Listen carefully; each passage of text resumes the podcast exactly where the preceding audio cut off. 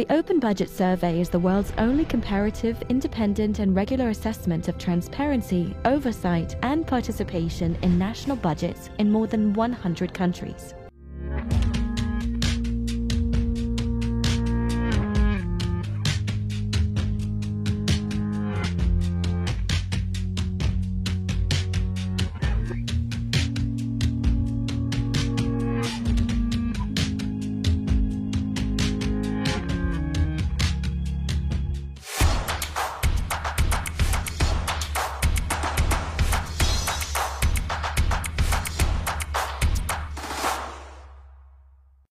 Halo selamat siang teman-teman. Kembali lagi di podcast Fitra TV Bersama saya Beta Anugrah dari Seknas Fitra. Eh, Kali ini kita akan banyak bahas tentang Open Budget Survey Yang tahun kemarin baru saja diselenggarakan ya di berbagai negara. Nah eh, bersama saya sudah hadir. Di sini ada Saya panggil Teh Dede ya Teh Dede. Atau Mbak Dede Krisnadianti beliau dari International Budget Partnership eh, Indonesia Office ya Teh ya? Iya. Eh, dan juga ada peneliti Fitra untuk Open Budget Survey ada Mas Lukman Hakim atau akrab disapa Mas Uki. Kalau Mas. Sehat Mas? Sehat. Oke. Mas Uki. Ya, mungkin eh, saya ingin mulai eh, dari Mbak Dede dulu deh ya. Iya, boleh. Mbak, eh, OBS itu sebetulnya apa sih gitu? Dan eh, tujuan dari adanya OBS eh, di Indonesia ya Indonesia jadi salah satu pesertanya kan ya eh, melaksanakan OBS ini itu apa? Kemudian eh sudah sejak kapan OBS itu secara internasional ya Mbak ya atau ASEAN juga eh, diselenggarakannya gitu Mbak? Oke. Jadi OBS ini mengukur tiga aspek utama, transparansi, partisipasi, dan akuntabilitas. Nah, khusus untuk transparansi, kita menyebutnya sebagai O- OB, OBI ya, BI. Open Budget Index. Index. Gitu, Beta. Oke. Nah, untuk tujuannya sendiri lebih spesifik. Mungkin untuk Indonesia misalnya atau untuk ASEAN lebih luasnya sendiri apa teh? Sebenarnya sih ada tujuan secara general ya. Tentunya ini berlaku untuk semua negara yang menjadi objek pengukuran OBS atau OBI tadi ya. Ya untuk mengukur kinerja manajemen keuangan publiknya gitu loh. Oke. Jadi memang tujuannya sangat-sangat spesifik ya. Iya, iya, iya. Sejak kapan, Mbak, OBS ini diselenggarakan? OBS sendiri sebenarnya sejak 2006 ya. Masuki ya 2006 tapi Indonesia baru mulai 2009. 2009. Nanti Oh. mungkin Masuki bisa jelasin deh kenapa ya. Karena Masuki termasuk researcher OBS yang tetap. gitu. Jadi sejak 2009 Indonesia baru masuk eh, diukur dari sejak saat itu sampai sekarang gitu loh. Oke. Setiap tiga tahun sekali kita melakukan eh, apa namanya survei OBS. Survei ini. OBS ini ya, ya. Kalau begitu eh, saya mau ke Mas Uki. Mas Uki, eh, bagaimana hasil OBS 2021 ya untuk di Indonesia, Mas? Eh, kalau dari terima kasih eh, terima kasih banyak. Kalau dari eh, hasil dari Open Budget Indexnya sendiri, itu Indonesia berada di peringkat ke-17 dari 200 negara ya. Oh. Eh, itu sebenarnya sudah meningkat secara peringkat, tetapi Iya. secara skor itu masih stagnan. Oh. Masih dengan yang sebelumnya OB- eh, di OBI itu di 2019 itu dengan skor 70. Nah, kalau untuk skor public participation itu juga untuk partisipasi publik itu Indonesia menurun eh, skornya dari 20 menjadi 24. Eh, kemudian untuk skor eh, pengawasan s- eh, skornya 54. Itu juga masih agak cukup stagnan ya Iya. eh, hasilnya. Eh, sebenarnya dari ketiga hasil itu sebenarnya sudah eh, Indonesia itu sudah cukup bagus paling enggak hasilnya sudah lebih bagus daripada Asia Tenggara Filipina yang memang langganan jadi eh, mimpin di OBI di Asia Tenggara kali ini dia di peringkat kedua walaupun tidak jauh ya Em, selain itu juga kita harus tahu kalau misalkan kemarin itu disurvei eh, di ta- untuk tahun 2020 berarti tahun 2020 itu kan zaman masih pandemi. Iya. Eh, itu bersyukur kalau misalkan sebenarnya kita tidak turun. Karena banyak negara-negara itu ketika uh, pandemi itu banyak ada beberapa negara terutama ne- ne- yang uh, menutup uh, aksesnya terhadap uh, Data. uh, data informasi keuangan. Hmm. termasuk juga ada proses-proses percepatan masalah partisipasi masyarakat yang biasanya menjadi lama sehingga menjadi da- semuanya menjadi virtual atau bahkan tidak ada partisipasi sama sekali tapi Indonesia tidak melakukan hal- hal tersebut. Ha- skornya itu tidak uh, terlalu jauh lah gitu dari tapi mungkin ada kandidasan lagi ter- terkait masalah partisipasi publik ya. Iya. tapi kalau untuk segi transparansi uh, itu sudah sangat bagus Uh, komitmen Indonesia sendiri untuk uh, bisa mendap- mendapatkan nilai yang lebih tinggi ya mudah-mudahan di OBS OBI selanjutnya lah Uh, itu mudah-mudahan aja bisa lebih tinggi lagi. Iya. Semoga ya Mas ya. Hmm. Kalau begitu apa rekomendasi bagi Indonesia Mas untuk tiga aspek tadi ya transparansi, eh, partisipasi publik dan pengawasan. Kalau dari segi transparansi sendiri sebenarnya Indonesia itu kalau dari segi legalitas hukum maksudnya kayak eh, dasar-dasar hukum untuk yang mendukung transparansi, pengawasan dan eh, partisipasi publik itu sebenarnya sudah cukup bagus. Mungkin saya jelaskan satu persatu dulu agak sedi- eh, lebih cepat aja. Kalau untuk transparansi seluruh dokumen yang diperlukan untuk masyarakat ya ada delapan kunci do- dokumen kunci yang diperiksa Uh, mulai dari dokumen RAPBN, dokumen APBN yang sudah ditetapkan, dokumen pertengahan tahun, kemudian ada dokumen bulanan atau tiga bulanan terserah. Yang penting uh, dokumen periodik lah dalam satu tahun tersebut, uh, laporan keuangan dan hasil audit. Um, jadi oh, kalau dari segi doku- dokumen tersebut itu sudah uh, sudah bagus dalam hal publikasi ya Uh, waktunya sesuai jadi tidak terlambat semua dipublikasikannya. Um, yang jadi masalah adalah dari dokumen tersebut masalah kelengkapan. Kalau dari segi transparansi.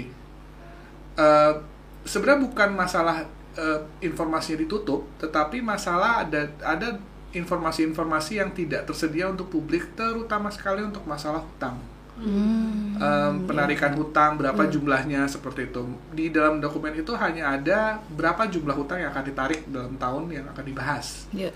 tapi tidak ada eh, informasi mengenai berapa jumlah hutang yang sudah ada sekarang. Berapa jumlah tunggakannya? Jatuh temponya berapa? Nariknya ke siapa? Apakah itu bentuknya domestik atau bentuknya internasional? Itu jumlah itu eh, informasi tersebut masih ada. Sebenarnya ada dokumen lain yang memiliki informasi tersebut cuman em, itu dipublikasikannya tidak bersamaan Hmm. dengan eh, ketika RAPBN itu diumumkan Hmm. sehingga akhirnya ya kita juga harus cari tahu juga gitu loh harus nanya ke Kementerian Keuangan dokumennya ini apa gitu Iya. seperti itu sebenarnya dokumen informasi tersebut ada dan kalau kita minta itu diberikan cuman eh, tidak sesuai dengan apa yang eh, periode periode publikasinya tidak sesuai dengan apa yang diharapkan dalam Open Budget Index Open ini. budget. Uh, selain itu juga ada masalah terkait program-program.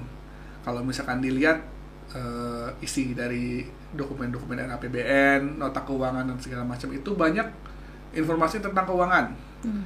Tetapi nggak banyak informasi yang tidak berhubungan dengan keuangan. Contohnya misalkan uh, di tahun 2020 ini kan ada banyak program PEN ya, pemulihan Iya, ekonomi program nasional. Nah itu kan ada ba- ada banyak bansos, bantuan Hmm. sosial, Jadi pengaman Eh, sosial ya Mas. ya bantuan sosial yang ditujukan kepada uh, masyarakat. Nah, Hmm.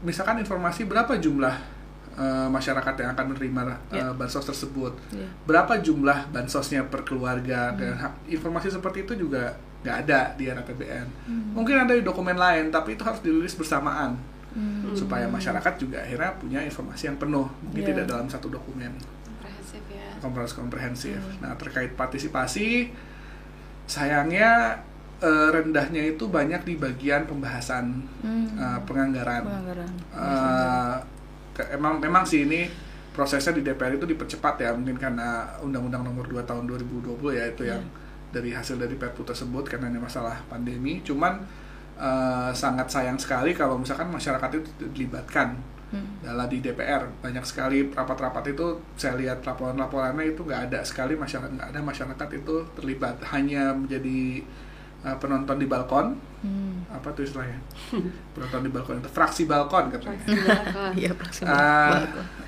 kemudian juga ada permasalahan partisipasi publik di uh, proses musrenbang. Hmm. Jadi proses musrenbang itu termasuk proses yang memang uh, komplit robust, tapi sayangnya tidak ada jaminan bahwa aspirasi dari masyarakat di bawah itu dibawa sehingga ke tingkat nasional. Sedangkan yang kita periksa adalah di bagian nasionalnya. Kalau misalkan untuk bagian uh, pengawasan sih kita sudah cukup bagus. Kenapa? Karena uh, di independensi DPR, BPK, kualitasnya uh, dari segi hukum, dari segi legalitas, independensi dan uh, integritasnya juga uh, sudah cukup bagus. Tapi memang kurangnya uh, masih masalah uh, apa kemampuan ada beberapa kemampuan DPR dan BPK yang masih belum ada sebenarnya bisa diadakan sih uh, dari dari undang-undang misalkan untuk supaya setiap perubahan dalam apa DPR itu boleh memberikan rekomendasi walaupun nilai nilai inflasinya itu berubah itu kan sekarang di undang-undang masih nggak boleh ya um, ya seperti itu. Oke. Okay. Okay. Mungkin ya. aku ingin menambahkan ya tadi yang konteks partisipasi ya Mas Uki ya. Itu 24 skor Indonesia itu kan sebenarnya stagnan ya dari tahun lalu ya. Tadi kau udah sebutin nama Mas Uki gara-gara hmm. ya aspek musrembang tadi ya yeah. debatable ya. Cuma memang di konteks IBP uh, kita sebenarnya ingin ada upaya lah ingin sebagai CSO ya tentunya yeah. kita pengen punya peran ya berpunya punya peran maksudnya berperan memfasilitasi bagaimana yeah. sih caranya supaya kita bisa meningkatkan angka partisipasi nah ini sebenarnya kalau berkaca ke negara-negara lain ya Mas hmm. Uki sama Mbak Beta kayak semacam Korea yang yeah. kebetulan angka partisipasi kan cukup tinggi ya tertinggi Mas Uki ya tertinggi hmm. ya mereka uh, menerapkan yang namanya partisipatif audit, di mana melibatkan hmm. masyarakat dalam konteks audit mereka dan itu sudah dimulai uh, perjalanannya dari sejak 1969. Hmm. Saya pikir Indonesia bisa mengadopsi itu ya.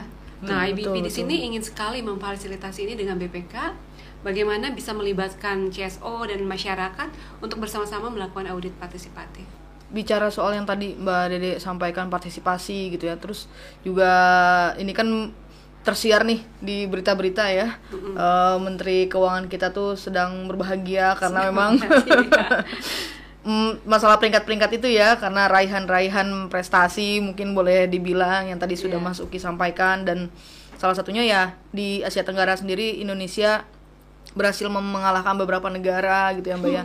Nah, tapi kan uh, tapi catatan kritis apa Mbak yang bisa kita lihat dari apa namanya uh, adanya hasil OBS ini dan kemudian um, patut berbanggakah kita gitu? Mm -hmm. Gimana kalau menurut Mbak Dede sendiri? Menurut saya ya, gini. Jadi sebenarnya memang uh, memang OBS ini seolah jadi sebuah ajang kompetisi ya. Mm -hmm. Mas setuju ya? Setuju ya? Bisa jadi. Ya. Bisa jadi ya kita kompetisi antar negara. Yeah. Which is itu suatu hal yang sangat normal ya. Mm tapi intinya sebenarnya ini sebuah instrumen untuk melakukan refleksi ya mm -hmm. kepada pemerintah juga apakah uh, dengan angka-angka tersebut scoring tersebut kita melakukan suatu improvement hmm. upaya untuk melakukan improvement hmm. ke depannya hmm. karena memang beberapa nilai kan stagnan terus ya iya. sebenarnya yeah. sebenarnya Betul. gitu loh mau dibilang uh, berbangga boleh berbangga karena kita memang paling tinggi se Asia Tenggara tapi sebenarnya skor dengan uh, Filipina itu tidak terlalu jauh ya uh, memang Filipina itu langganan memang dari dulu karena partisipasi publik mereka sangat bagus sekali uh, prosesnya mungkin karena kemarin waktu lagi zaman pandemi makanya ada proses yang menghilang makanya skornya menurun. Uh, tapi bisa juga ini tapi sebenarnya skor ini juga perlu menjadi pelajaran bagi pemerintah Indonesia karena skor stagnan ini tidak hanya setahun tidak hanya terakhir yang 2019 tapi yang 2017 pun sama. Hmm. skornya pun tidak berubah jauh.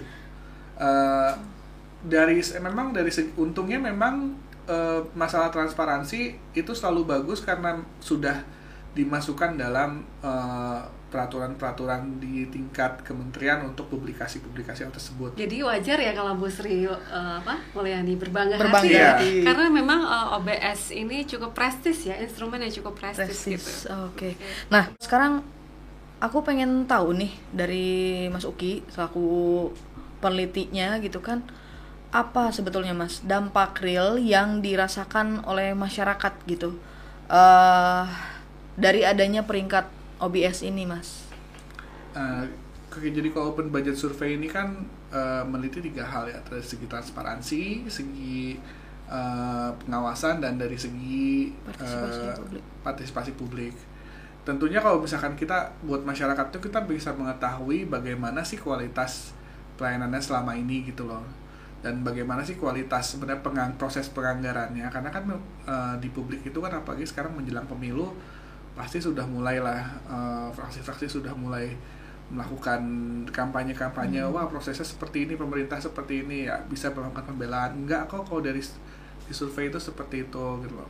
Dan masyarakat juga bisa melihat eh, hasilnya itu misalkan dari masyarakat dari eh, apa misalkan dari segi transparansi kalau misalkan ada yang bilang anggarannya ditutup ternyata enggak juga karena buktinya ternyata tidak kalau dari segi partisipasi publik bisa karena partisipasi publik sendiri kalau misalkan eh, ke situsnya IBP sendiri untuk melihat detail prosesnya itu bisa dilihat partisipasi publik dalam eh, partisipasi publik di setiap ini ya setiap proses penganggaran termasuk di eh, lembaga.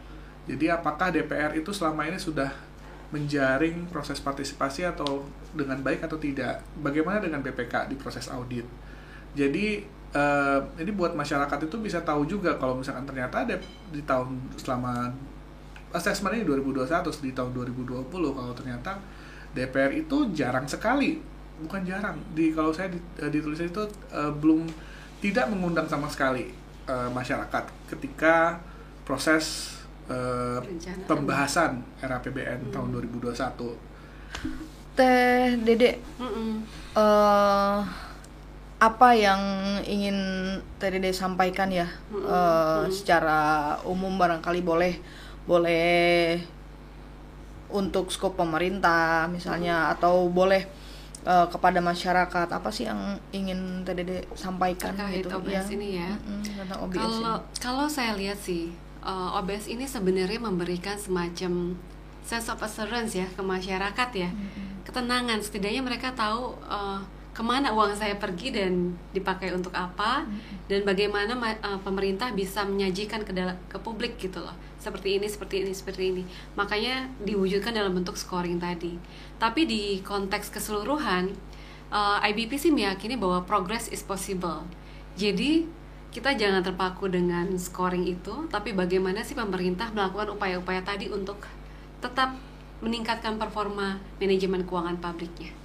Eh, kita boleh nggak sih kita ucapkan selamat dulu mungkin untuk usaha yang dilakukan oleh pemerintah Boleh lah untuk ya. selamat ya Keren loh, udah Selamat. atas Filipina.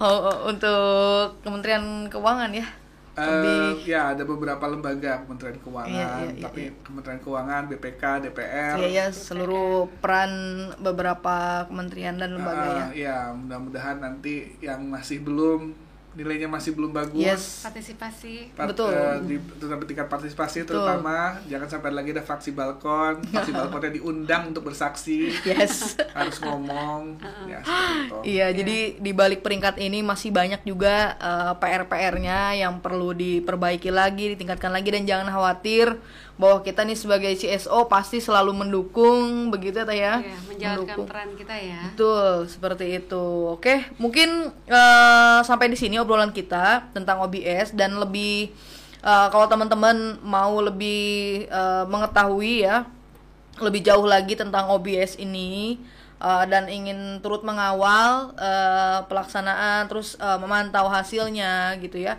bisa diakses di International Budget Partnership ya, Ya, Mbak ya. .org ya.